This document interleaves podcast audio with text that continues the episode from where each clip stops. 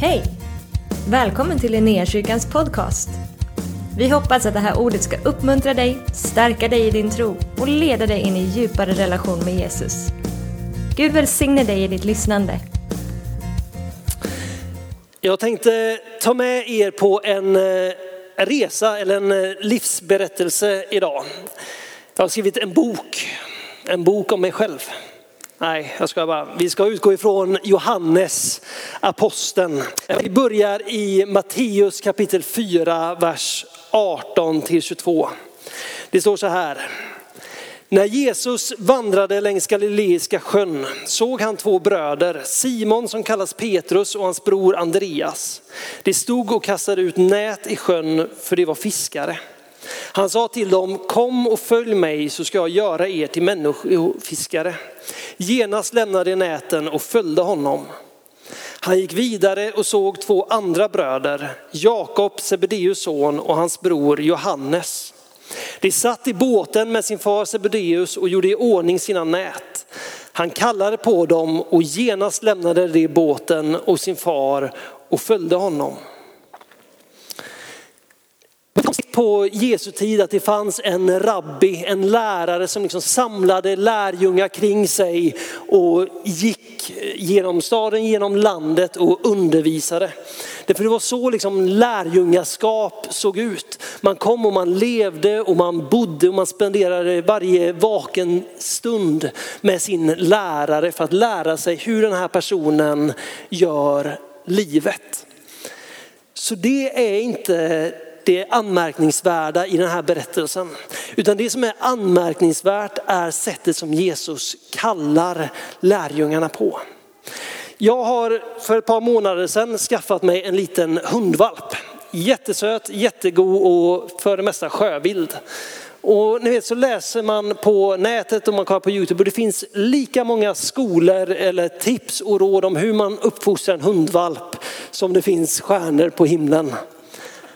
Det är helt omöjligt att orientera sig i för det finns så många olika tips och tricks och skolor och inriktningar. Så vad gör man? Man hittar en eller kanske några få vettiga personer som man känner, men de här kan jag liksom ta rygg på, de här kan jag lyssna till och applicera det i mitt husse matteskap, vad man nu kallar det. Och det är så vi gör liksom genom livet. Vi, när vi försöker lära oss någonting, när vi försöker ta emot någonting så hittar vi någon som vi kan ta rygg på. Vi hittar någon som vi liksom ser upp till och sen är det den personen vi lyssnar till. För annars blir det liksom för mycket, det blir för spretigt. På samma sätt var det på Jesu tid. Folk kom till en lärare eller en rabbin som de hade ett förtroende för, som de såg att här finns det någonting som jag kan få ta del av. Och så fick man tillåtelse att bli lärjunge och man fick följa med de här lärarna genom livet. Jesus kommer gåendes längs stranden, ser vilt främmande människor och säger kom och följ mig. Han valde ut, han kallade på de här människorna. Mycket troligt hade de hört talas om Jesus men de kände honom inte. Men när Jesus säger de här orden, kom och följ mig, så är det någonting som drabbar dem. Det är någonting i deras liv, i deras hjärta som liksom responderar, igenkänner honom för vem han verkligen är. Som reser sig upp från det de håller på med, släpper allting, släpper sin försörjning, ansvaret mot familjen och följer Jesus. Och samma sak händer än idag. Samma sak händer med varje person av oss som väljer att gå dopets väg, lärjungaskapets väg. Att vi igenkänner någonting i Jesu kallelse. Vi vet kanske inte allting. Jakob sa det innan, dopet är inte examen utan det är startskottet. Vi vet kanske knappt vem Jesus är, men det finns någonting när han kallar som liksom responderar med vårt hjärta, att vi bara vet, vi igenkänner att han måste vara den utvalde. Han måste vara Gud själv, så vi lämnar och vi följer. Vi hör berättelser idag liksom från, från Mellanöstern, som drömmer om Jesus och lämnar allting dagen därpå. Släpper familj, släpper vad de håller på med för att följa honom. För det finns någonting i mötet med Jesus som vi responderar på. Kallelsen över våra liv att följa honom. Det är vad som händer Johannes den dagen. Han hör Jesus och han följer. När Jesus i Markus kapitel 3 ska liksom utse sina tolv apostlar så kommer en lång liksom lista av alla namnen och då kommer liksom en liten titel på, på Jakob och Johannes. Det står att Jesus kallar dem för åskans söner. Det finns ingen utläggning, det finns ingen förklaring så man får liksom skjuta lite från höften och gissa vad det här betyder. Men jag tror att det här har någonting med deras kanske humör, temperament, impulsivitet att göra. Det finns någonting i de här som det stormar lite kring. Det händer saker där de går fram. Vi märker det i andra bibeltexter hur deras approach ibland liksom kan sticka lite i ögonen på dem runt omkring. Jag tänker att vi ska läsa ett stycke bara för att se lite vem Johannes lärjungen är under tiden han går med Jesus. Så vi kan gå till Lukas kapitel 9, vers 49 till 56. Det står så här. Johannes svarade, Mästare, vi såg en, en som drev ut onda andar i ditt namn och vi försökte hindra honom eftersom att han inte var i följe med oss. Men Jesus sa till honom, hindra honom inte. Den som inte är mot er är för er. I min bibel så är det en styckesdelning eh, mellan den här texten och det som kommer härnäst. Så här är liksom första gången när Johannes liksom slänger ur sig någonting. Han gör skillnad på att det är ett vi och det är ett dom. Och Jesus tillrättavisar honom. Texten direkt efter lyder så här från vers 51. När tiden för hans upptagande, alltså Jesu lidande, död, uppståndelse och himmelsfärd var inne vände han, alltså Jesus, sitt ansikte mot Jerusalem fast besluten att gå dit. Han sände budbärare framför sig och de gick iväg och kom in i en samarisk by för att förbereda hans ankomst. Men folket tog inte emot honom eftersom han var på väg mot Jerusalem. När lärjungarna Jakob och Johannes, alltså Oskans söner, såg det sa de, Herre, vill du att vi ska kalla ner eld från himlen som förtär dem? Men Jesus vände sig om och tillrättavisade dem och det gick vidare till en annan by. Vi förstår av det här sammanhanget eftersom att Jesus vände sig mot Jerusalem för han inser att hans tid är kommen. Att Johannes och Jakob har hängt med Jesus i nästan tre år. De har varit med liksom, ni vet, kärlekens förebild. Han som hela tiden visar omtanke och omsorg. Han som har kommit för att hela de brustna hjärtana, för att resa upp de sårade, sätta de fångna fria. De har spenderat dag och natt tillsammans med Jesus.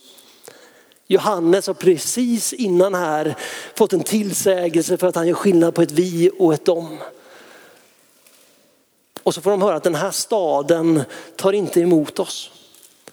Johannes och Jakobs reaktion blir, Herre vill du att vi ska kalla ner eld över den här staden. Man får ändå ge dem cred för att de har tro på sin förmåga. De tvivlar inte på vem Jesus är, de vet att det finns kraft i hans namn. Tidigare i berättelsen så har de fått gå ut och göra under och tecken i Jesu namn. Men det är någonting här som inte doftar Guds rike. Det finns någonting i det här som de bara slänger ur sig som liksom skaver med den Jesus som vi känner till. Jesus tillrättavisar dem. I ehm, Markus kapitel 10 så tar Jakob och Johannes Jesus åt sidan, liksom bort ifrån de andra lärjungarna och säger Jesus, när du liksom är i ditt rike kan inte vi få platsen på din högra och din vänstra sida. Vi vill ha den upphöjda platsen närmast vi vill bli sedda som dina närmaste män. Det är det de frågar för. De andra lärjungarna hör detta och de blir sura, de blir avundsjuka och griniga och Jesus får liksom ta, samla lärjungarna och ge dem en lektion i att vill ni vara ledare i Guds rike, vill ni vara de största i Guds rike så måste ni bli de lägsta. Ni måste bli, bli de andras tjänare. Så trots att de liksom har fått vara med Jesus in person, se honom, lukta på honom. Eh, bara släng in det här, det har jag inte tänkt säga. Jesus var fullt ut människa. Han bodde i Israel på liksom år noll, gick i sandaler, inga tvättmaskiner, luktar nog inte jättegott. Idag finns det en Gudsrikes doft som vi kan känna igen. Det finns ingen poäng i det här nu, men jag bara... Men de var med Jesus. Dag ut och dag in. Och ändå finns det, liksom, det finns en strävan av dem mot att komma till den här positionen av makt och anseende.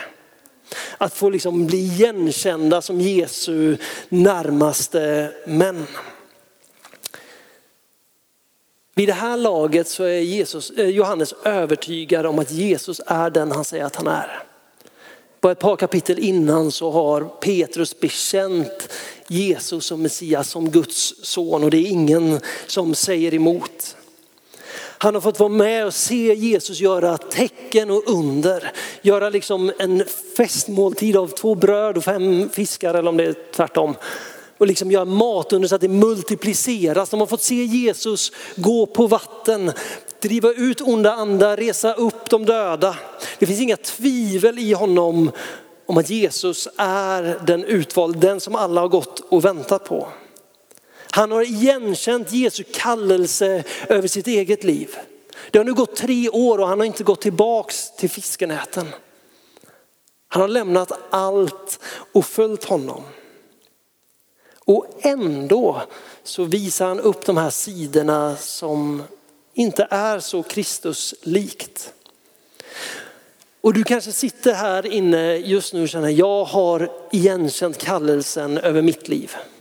Jag har liksom känt på min insida, jag har responderat med Jesus måste vara den han säger att han är. Du har valt att gå dopets väg och bli en lärjunge och du går i kyrkan och du säger jag vill leva mitt liv för Jesus. Det finns ingenting jag hellre vill och ändå finns de där sidorna i dig som kanske skaver. De där sidorna som du gärna bara liksom döljer undan därför du vet att det finns där och du önskar att det var mer likt Jesus än vad det är. Jag är sån. Jag säger, jag är lärjunge till Jesus, jag vill lära mig av honom, jag vill gå med honom. Men det finns sidor i mig, det finns brister, det finns svagheter som jag önskar inte fanns där. Men det gör det. Jag vill bara att du ska veta att för det första, du är i gott sällskap. Och för det andra, resan är inte sluten. I Filipperbrevet kapitel 1, vers 6 så står det att jag är övertygad om att han som har påbörjat ett gott verk i dig också ska fullborda det in till Jesu Kristi dag. Han tar ära i sitt verk i ditt liv. Vi vill ha en quick fix, vi vill att allting ska lösa sig här och nu på en gång. Säger jag bara ja till Jesus nu så kommer mitt liv vara spikrakt efter det. Det är inte riktigt så det fungerar. Det är en resa tillsammans med Gud. För berättelsen om Johannes slutar inte med hans misslyckanden eller med de här mörka sidorna. Jag säger inte att han blir perfekt, jag säger inte att han blir liksom ofelbar. Men vi ser med tiden över över bibeltexterna som kommer, de evangeliet han skriver, om uppenbarelseboken och Johannesbreven, så ser vi att han har formats till en ny person.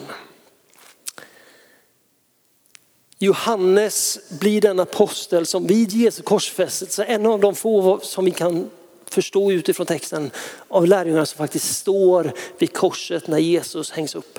Han står där bredvid Maria, Jesu mor och Jesus säger till Johannes, se din mor. Till Maria, se din son. Han lämnar liksom över ansvaret för sin närmaste familj till Johannes. Johannes är den apostel som kommer att trycka hårdast på att vi är kallade till att älska andra. Den här personen som var beredd att kalla ner himmelens eld över en stad för att de inte ville igenkänna Jesus. Han är den som gång på gång på gång på gång säger älska varandra. Älskar ni inte varandra så kan ni inte säga att ni älskar Gud. Gång på gång kommer han tillbaks till det här. Du kommer inte bli en perfekt återspegling av Jesus på en och samma gång. Men det finns en insikt hos Johannes som jag tror är nyckeln. I Johannes evangeliet som Johannes skriver på ålderns höst, man beräknar att det kommer liksom år 90 någonting där. Johannes är en gammal man och han skriver ner berättelsen om när han lärde känna Jesus. Han skriver ner evangeliet om Jesu liv. Och han till skillnad från de andra lärjungarna eller de andra evangelisterna, när han talar om sig själv så säger han den lärjunge som Jesus älskade. Det är ganska kaxigt. Men jag tror inte när Johannes skriver detta att det kommer ifrån en plats av hybris eller uppblåsthet eller skryt. Utan det kommer ifrån en självbild som har formats av år och år i gemenskap med Jesus. Han gör en poäng av att jag är älskad av Gud. Hans identitet när han ser på sig själv är att jag är älskad av Jesus. Det är från den platsen, från en plats av att vara fullt ut älskad av den högste av de högsta, kanske inte av alla människor runt omkring, men av den som på riktigt betyder någonting. Av honom är jag älskad. Det är från den platsen som jag är övertygad om att Johannes liv förvandlas. För han vet att han är skapad för en relation med Fadern. Han vet att den vägen är öppen. Han har en relation genom den heliga ande så har han en relation med Fadern idag. Och han vet sitt värde. Det är därför från den platsen, från det överflödet av att ha Guds kärlek på sin insida, inse på djupet att man är älskad, som han kan gå ut och älska andra. Som han kan uppmana alla att älska din nästa, älska personen som du har framför dig. Johannes själv säger i första Johannes brevet kapitel 4, vers 19. Vi älskar därför att han först har älskat oss.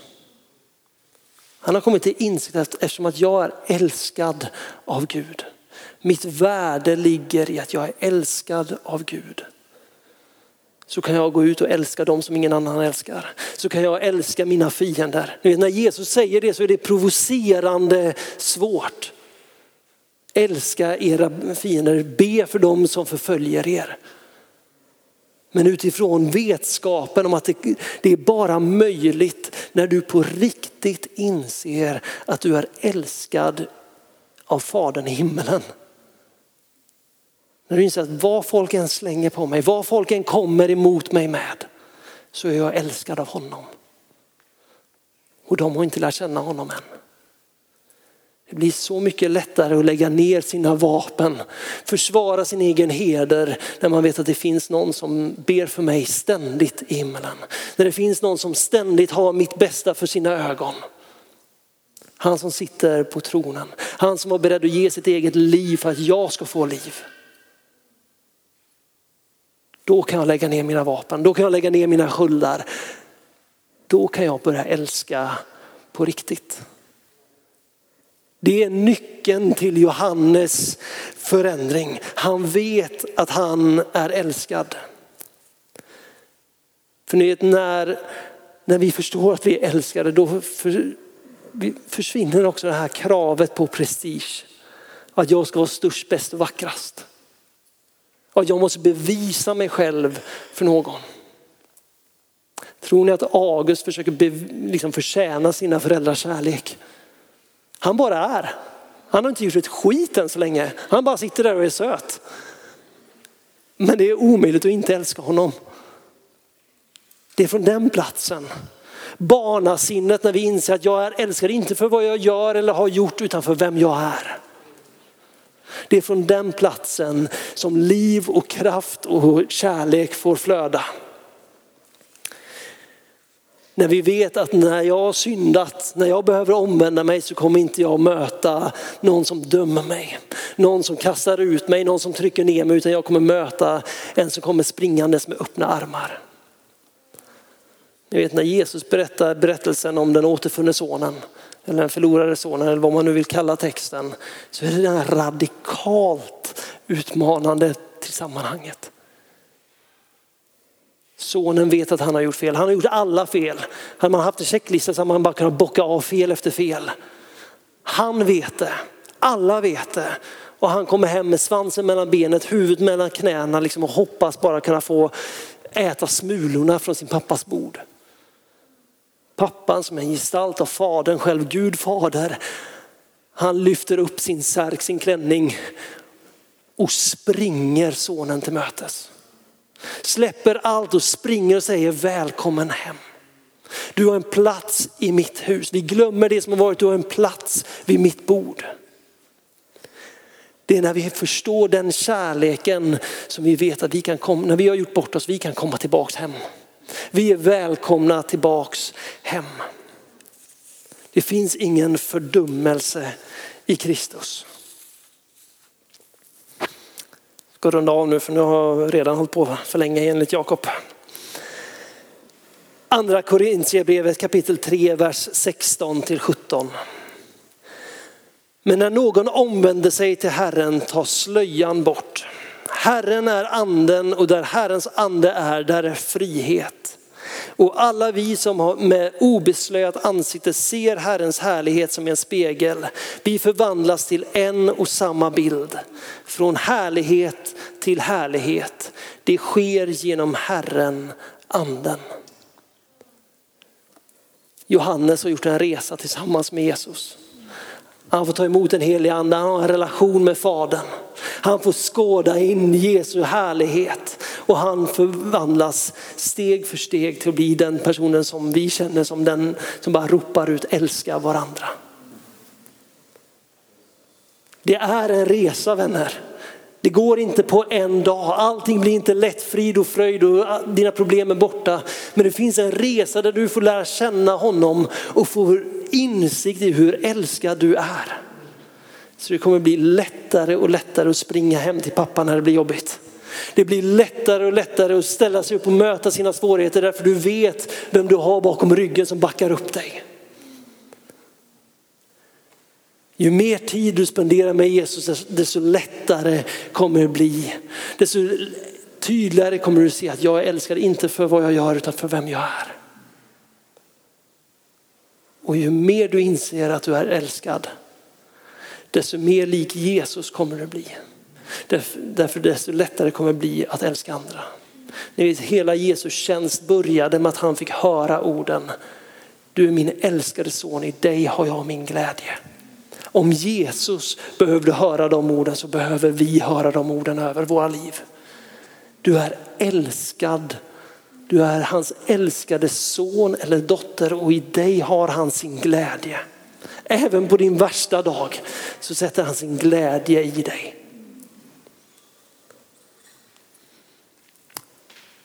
Vi ber tillsammans hörni.